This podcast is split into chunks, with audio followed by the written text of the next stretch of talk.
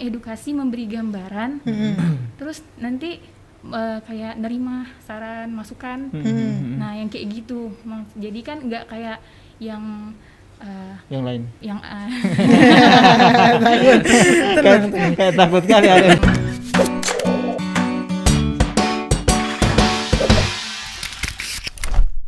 Ada semacam tempat pelatihan untuk eh, kegiatan-kegiatan IT, Oh, oke. eh, UMKM, itu Hmm.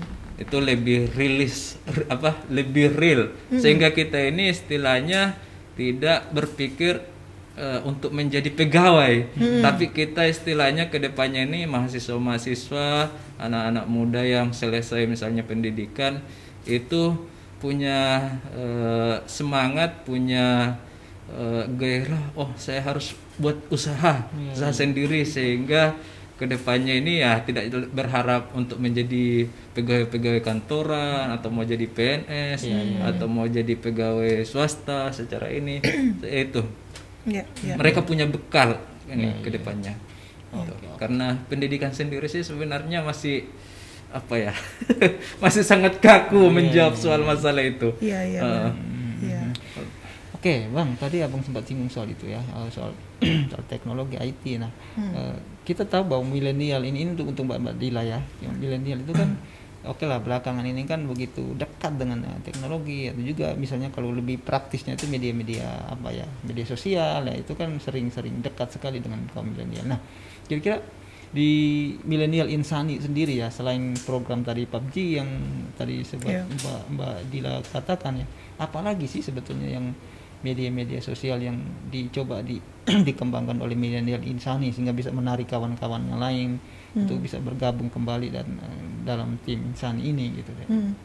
kami itu lebih ke WhatsApp, Oh, WhatsApp. Instagram Hmm, itu Nah, seperti apa tuh biasanya? itu kayak ngasih apa namanya tentang inilah tentang paslon eh tentang insani. Oh, broadcast gitu. Ya, terus gitu ya. eh, juga kesadaran.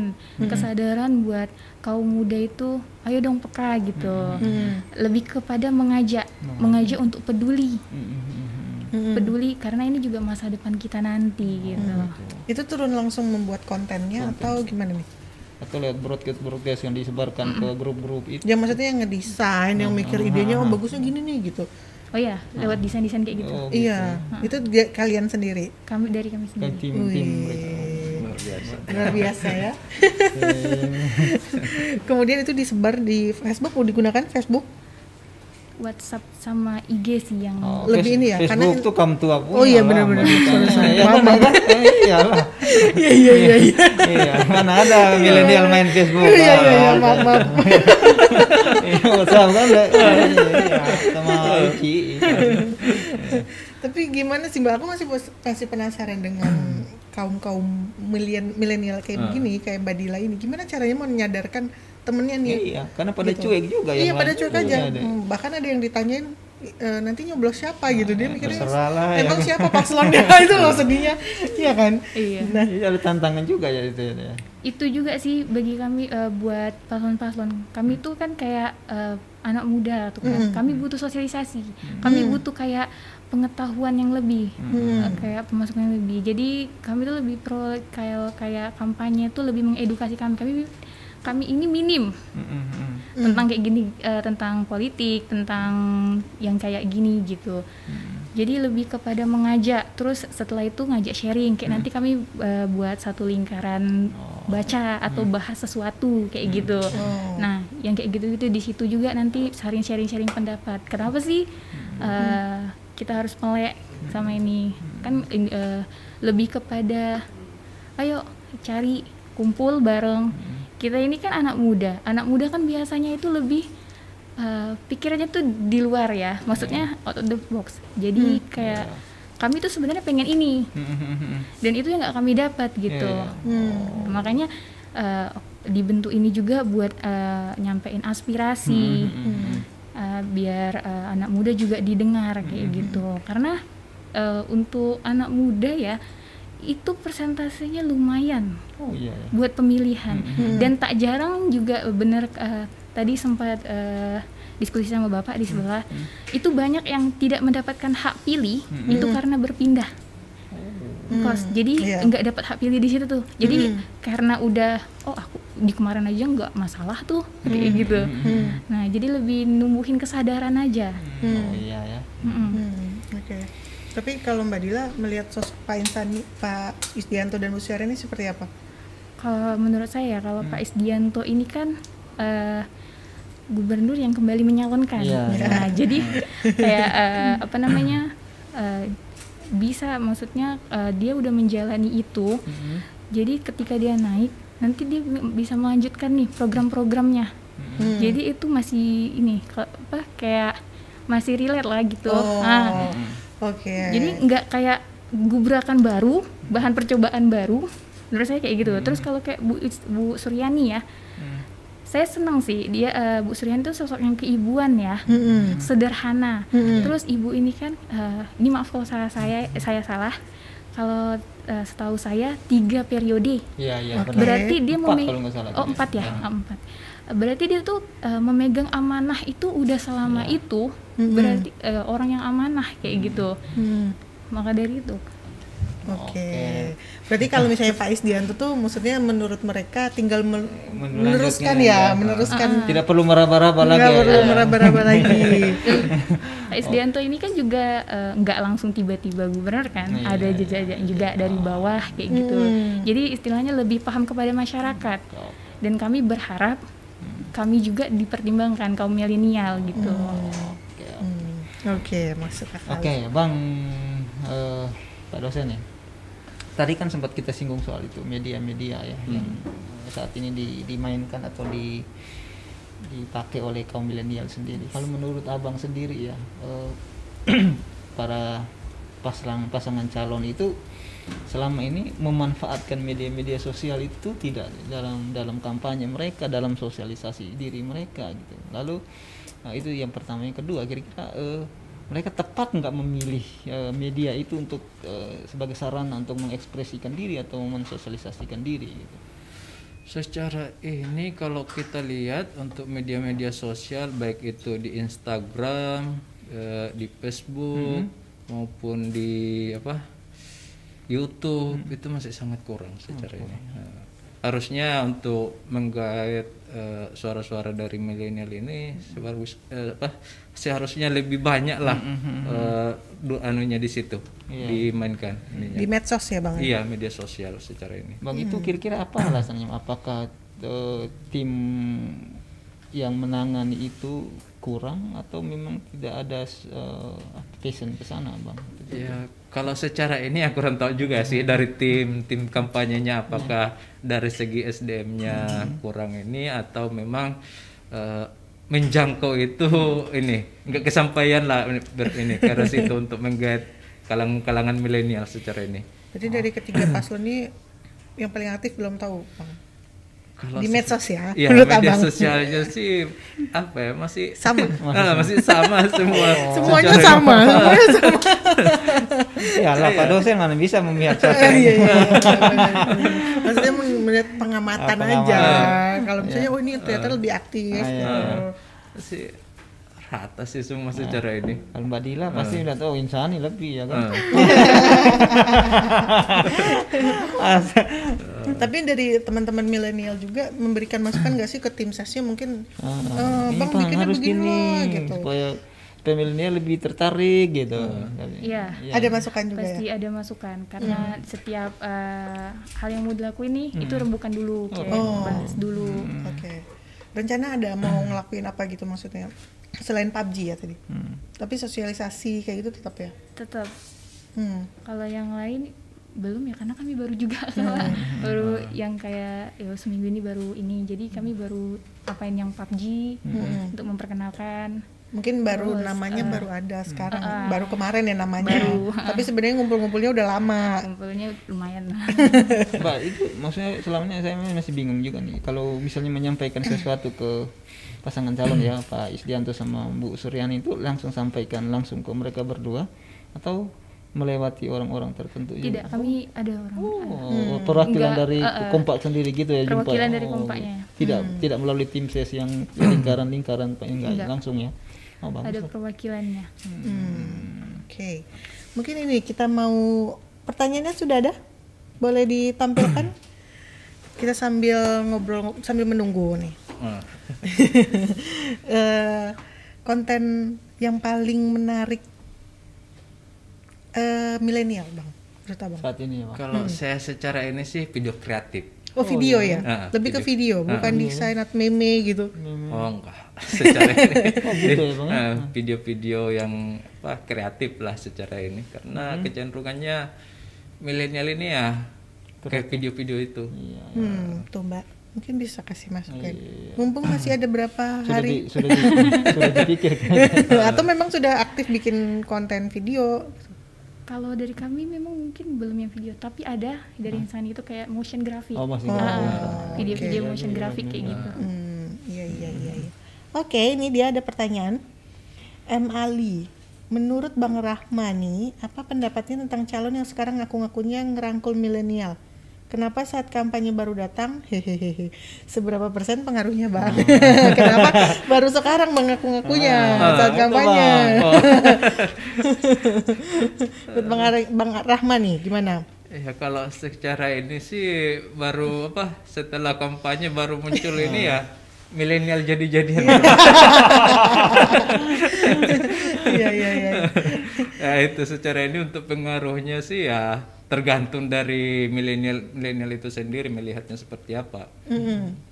Kalau kita lihat sih ya kalau mungkin tahu oh ini oh, tiba-tiba kok sok-sok jadi milenial. Iya betul. Ah. So ngerangkul. Ah, sok ngerangkul. ah, itu kan milenial sudah cerdas lah melihat hal-hal semacam itu. Istilahnya eh, milenial ini tak mudah di ini terpengaruh hal-hal semacam ini. Eh, tiba-tiba apa? Tiba-tiba jadi milenial gitu. Oh, kalau milenial sekarang tuh nggak mudah terpengaruh. Oh dia keren banget tuh karena janji-janjinya nggak gitu ya bang ya? Enggak. Kayaknya lebih kritis Kal- gitu ya. eh, kalau masalah politik ini milenial ini agak ini agak cerewet. Oke, Bang Ridwan Sukatmanto, mengapa paslon di pilkada tahun ini hanya itu-itu saja Pak dosen? Apa ada Ada apa ada, dengan- ada apa dengan Kepri? Emang nggak ada stok tokoh-tokoh yang mumpuni dan berkompeten? Oh, Kenapa itu Pak dosen? Nah, secara ini sih sistem yang memaksa kita untuk memilih paslon-paslon itu aja. Eh, Kenapa nggak muncul? Kenapa menurut eh, Pak dosen eh. meng- mengamati ini maksudnya kenapa yang toko itu lagi, toko itu lagi? Kenapa memang? ya secara ini ya itu tadi sistem politik kita yang mm, apa memaksa kita ke arah situ untuk memilih paslon-paslon yang tadi ya secara ini ya misalnya kan ada dari jalur independen secara ini tapi itu kan eh, berat untuk ini untuk bisa dimunculkan ke permukaan untuk dipilih jadi calon baik itu di Kepri maupun di kota Bang, itu ini. masih terkait ini. Kalau dari calon milenial kayaknya belum ya, belum ya. Di Kepri pernah ada sedikit ya di calon wali kota tapi ya nggak nggak tembus juga kalau nggak saya mewakili katanya Iya. Anak muda Iya, padahal anak ya. muda kan Iya. Nggak Nah juga, di Bang. situ ya proses politiknya itu sangat berat secara ini. Dari segi kan yang mengusung sebenarnya ini dari partai politik. partai politik iya iya iya Saya berapa besar pengaruhnya di partai sehingga dia bisa muncul untuk menduduki misalnya eh, jadi 01, 02. gitu. Agak berat, memang secara. Kalau ada milenial-milenial yang sifatnya punya popularitas yang ini ya bisa jadi juga. Iya, iya. Punya modal. ini tuh modal, modal penting tuh Punya modal aja dia nggak bisa populer aja mungkin nggak bisa ya bang ya. Iya.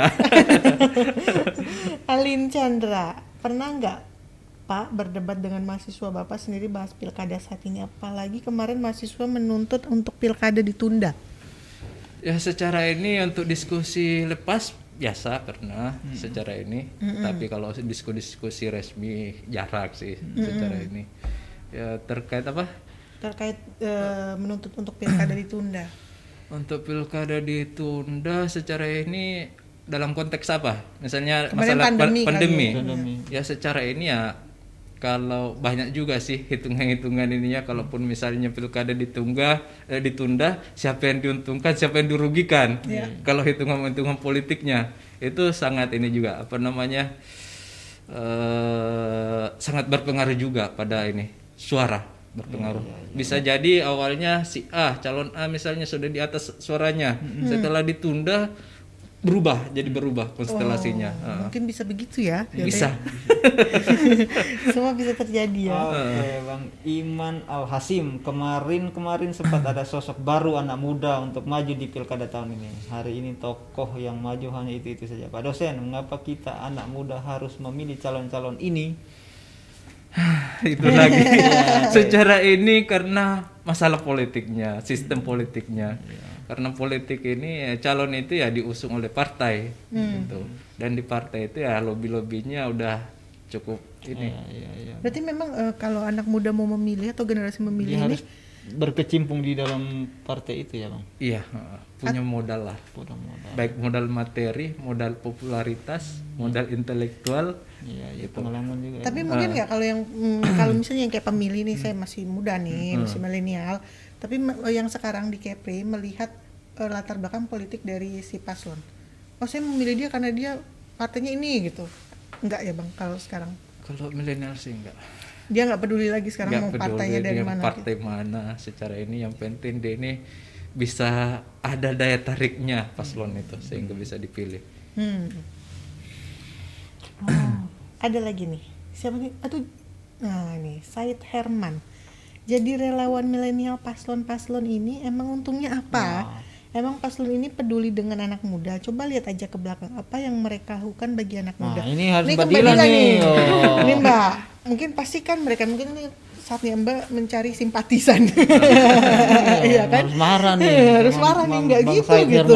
Oh, nggak bisa kayak gitu. karena gini menurut saya untuk bisa menyampaikan aspirasi kita harus masuk juga ke dalam mereka Oke. Nah, makanya itu kita membentuk suatu uh, komunitas. Hmm. Nah, di situ juga uh, nggak mengharuskan sih, maksudnya uh, kami minta perhatian untuk bisa meli- eh, inilah melihat kami. Hmm. Karena kalau misalnya anak muda kadang kalau cuman ngomong-ngomong gitu doang kan nggak pernah didengar. Oke. Jadi dengan adanya wadah untuk menampung aspirasi-aspirasi, kami berharap uh, lebih didengar, lebih dekat dengan paslonnya kayak gitu. Hmm. Berarti Jadi- kalau kompak ini akan bertahan tetap sampai misalnya Isdianto sama Suryani tetap menjadi misalnya jadi gubernur sama wakil gubernur tetap ya kompak tetap jadikan ini wadah ini untuk menyampaikan Aspirasi. kami juga berharap nggak cuman karena kampanye aja kami ya, tiba-tiba didengar atau gimana. Kami berharap juga ketika misalnya mereka naik. Iya ya. Suara kami masih siapa? dibutuhkan gitu. Hmm, oke. Nah, Berarti maksudnya mereka nih ya anak muda mungkin yang tadinya nggak didengar emang apa sih untungnya? Mungkin dengan masuk ini begitu ya. kayaknya Bang Said Herman nggak nggak pernah nggak gabung-gabung sama adik mereka. Mungkin Bang gabung dulu Bang.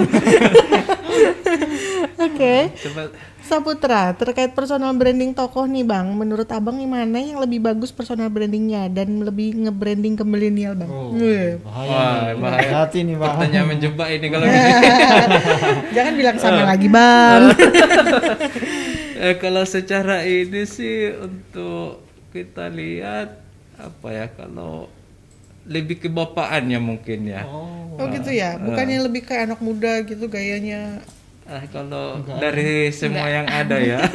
Enggak loh Bang. Eh, itu Bang ini masih kalau dari semua yang ada sih ya mungkin ya lebih apa lebih meneduhkan lebih ini apa pembawaannya agak lebih tenang secara ini.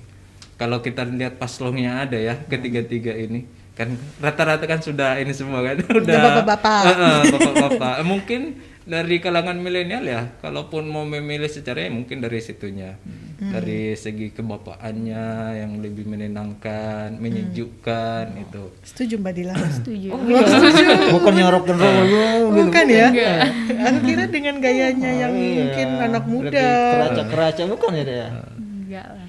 Enggak ya. kenapa tuh? Kenapa tuh sampai bisa lebih butuhkan figur yang kebapaan gitu? Kenapa tuh sebetulnya? Karena ya kayak apa ya kita sendiri aja lah ya kalau misalnya figur yang kebapaan itu udah pasti mengayomi Hmm.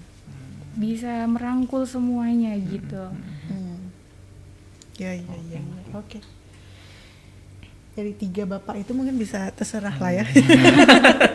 Yang Sebastian Hermawan calon-calon sekarang kita nggak tahu mana yang peduli dan punya program untuk anak muda anak-anak muda kita butuh kerja kita butuh uang ekspresi ruang, Ruang ekspresi dan ekspresi. lain-lain Eh, Mungkin Mbak Dila ini mau, udah? Mbak Dil? Calon-calon kita kita nggak tahu mana yang peduli dan punya program untuk anak muda. Kita butuh kerja, kita butuh ruang ekspresi. kira-kira jawaban menohok apa nih ke Bang Sebastian ini Hmm. dari kaum milenial ini Eh, makanya Gi- Gimana tuh? Mereka nggak tahu nih programnya katanya. itu itu kenapa kita eh, sebagai anak muda itu butuh untuk melek Politik. melek politik melek keadaan sekarang toh sekarang teknologi canggih bisa searching lewat internet kan Hmm. Eh, juga minat baca minat baca eh, karena ini kurang Hmm. sekarang minat baca minat untuk lebih mengetahui lagi pengetahuan tentang itu itu kurang itu Hmm. yang seharusnya diiniin Oke. ditingkatkan ya oke Oke. Kita butuh kerja, kita butuh ruang ekspresi Atau ya. mungkin saya tambahkan. Boleh, boleh, boleh. Ya, secara ini sih eh, utamanya Mbak Dila secara ini sebagai generasi mileni- milenial yang terjun dalam Politik eh, ya? politik ya program-program itu eh, dari paslon yang ada lebih dian lah lebih disederhanakan bahasanya ke milenial gitu Oh. sehingga mudah diterima gitu Itu menurut abang ya? Ya. karena kadang-kadang ya karena kadang-kadang apa ya agak berat juga Iya, dicerna iya. apa Iya, iya. visi misi program yang ingin disampaikan oleh paslon-paslon ini. formal kali bang ya Iya, Formal. terlalu formal. Mungkin dari kalangan-kalangan milenial yang secara yang terjun ke ranah politik sebagai tim ya bisa menyederhanakan hal semacam itu. lebih mm, lebih mudah dipahami lah kalangan milenial. Gitu. Hmm. Berarti penting juga memang merangkul milenial ini ya supaya mereka lebih menyederhanakan bahasanya gini aja lah Pak Iya, gitu. Ya. Ya, melalui video-video tadi. Iya, ya, iya, iya benar Video benar. kreatif. Oke, sudah habis pertanyaannya. Weh. Ini untuk apa? Terakhir kita mau minta terakhir Pak. Mungkin bisa kasih masukan atau tips, gitu. nih untuk pemilih milenial cerdas, kepala daerah berkualitas. Nah, Ah, secara ini untuk milenial hendaknya kita menggunakan hak pilih kita sebagai warga negara yang baik. Karena bagaimanapun eh, Kepri ini Batam ini adalah milik kita bersama kita punya hak bersama kewajiban bersama untuk menentukan Kepri ini ke depannya seperti apa dengan suara-suara kita itu tadi melalui pilkada nantinya tanggal 9 September itu adalah salah satu bentuk ekspresi politik kita, partisipasi politik kita untuk memajukan eh, Kepri ini ke depannya. Khususnya untuk Batam. mungkin ada tips Tipsnya memilih tips cerdas. Pemilih pemilih jadilah pemilih cerdas dengan kriteria memilih pemimpin yang eh, inovatif, Oke. punya program yang mendukung untuk kalangan milenial, kemudian hindari politik-politik yang sifatnya berbau sara, Ya. itu. Nah, Oke. Kemudian kompetensi seorang paslon harus diperhatikan. Oke. Rekan jejaknya seperti apa itu. Itu untuk masukan-masukan kalangan milenial. Karena Kepri ini milik kita bersama dan kita harus bisa membangun bersama. Jangan cuma sekelompok kelompok orang aja. oh, siap. Oke, siap. ya, semoga bisa diterima sama Tribuners ya. Generasi-generasi muli- milenial Tribuners. mungkin dari Mbak Dila, mungkin ada yang mau disampaikan untuk Tribuners nih mumpung kita live di Facebook. Eh, kalau tentang ini eh, ayolah jangan jadikan golput itu sebagai budaya Mm-mm. kita anak muda kita toh yang nantinya akan melanjutkan Oke. pemi- pimpinan-pimpinan yang ada Hmm. Eh, Kepri ini milik kita bersama bukan milik sekelompok orang saja Bener ya, Pak. Udah janjian tadi di sana. Ada lagi Mbak Dila? ya udah, udah, oke. Oke Tribuners ya dari malam ini mungkin tadi bisa kita ambil kesimpulan ya dari tadi yang penutup nih Apa tuh? bahwa gunakan hak, Hak pilih pilih, ya kan. hak pilih kita sebagai anak-anak muda nih yang mungkin yang masih 17 17 tahun jangan males-malesan lah tanggal 9 tentang libur nanti ya ya kan jadi gunakan hak pilih eh, Kepri ini milik kita bersama ya Kan milik sekelompok orang. ya. bukan klim- me- milik sekelompok orang ya pilihlah pemimpin yang inovatif program yang mendukung milenial hindari yang berbau sara ya. dan kompetensi kompetensi seorang paslon. Itu yang penting. itu yang penting. Oke. Mbak Dila terima kasih. Terima kasih Mbak Sama-sama. Boleh mau nyampein apa sih? Boleh ya diterima. Ini bang ada tanda tangan lagi. Waduh Wah. mana bolpennya ya waduh nggak dikasih bolpen. Ini bang kita minta kenang-kenangan seperti biasa kalau datang ke Tribun Oh, Podcast. Sebentar Tunggu, bang diambil Oh. dulu tintanya yang silver soalnya. Oke. Oke Tribuners jangan lupa ya subscribe YouTube channel kita Tribun Podcast dan follow Instagram kita @tribun podcast. Dan juga jangan lupa eh, dengerin nih percakapan kita. Kalau nanti di jalan sambil nyetir-nyetir di mobil bisa denger di Spotify denger suara Bang Bang Rahma, Mbak Dila. Mungkin pengen denger bisa di Spotify dan juga di Anchor. Oke, ini Bang. Boleh ditanda tangan? Terserah bang di mana nih bang posisi. Ya nggak mungkin di, di Mbak Dila. Di Bang- Tanda tangannya biasanya ini banyak yang protes. Kenapa Bang? Susah ditiru. Kalau dekan mungkin harus kayak begitu kali ya. Enggak juga. sih. Enggak juga ya. Oke. Gimana? Sini aja ya? Boleh, boleh. Ditanda tangan. Nah. Oke, emang susah, guys. Mbak. Habiskan banyak tinta kan ini kata mahasiswa. Oke. Terima kasih Mbak Dila. Ini Bang Tommy mungkin pamerkan ke Tribuners ya. Secara malam ini sudah sah Bang Rahma dan Mbak Dila sah menjadi narasumber kita di Tribun Batam Podcast. Terima kasih sekali lagi Oke. dan sehat selalu untuk Bang Rahma, Mbak Dila. Ya, sukses selalu untuk menjalankan program-programnya. Semoga banyak menginspirasi. ya. Oke, Tribuners ketemu lagi ya di episode selanjutnya. See ya.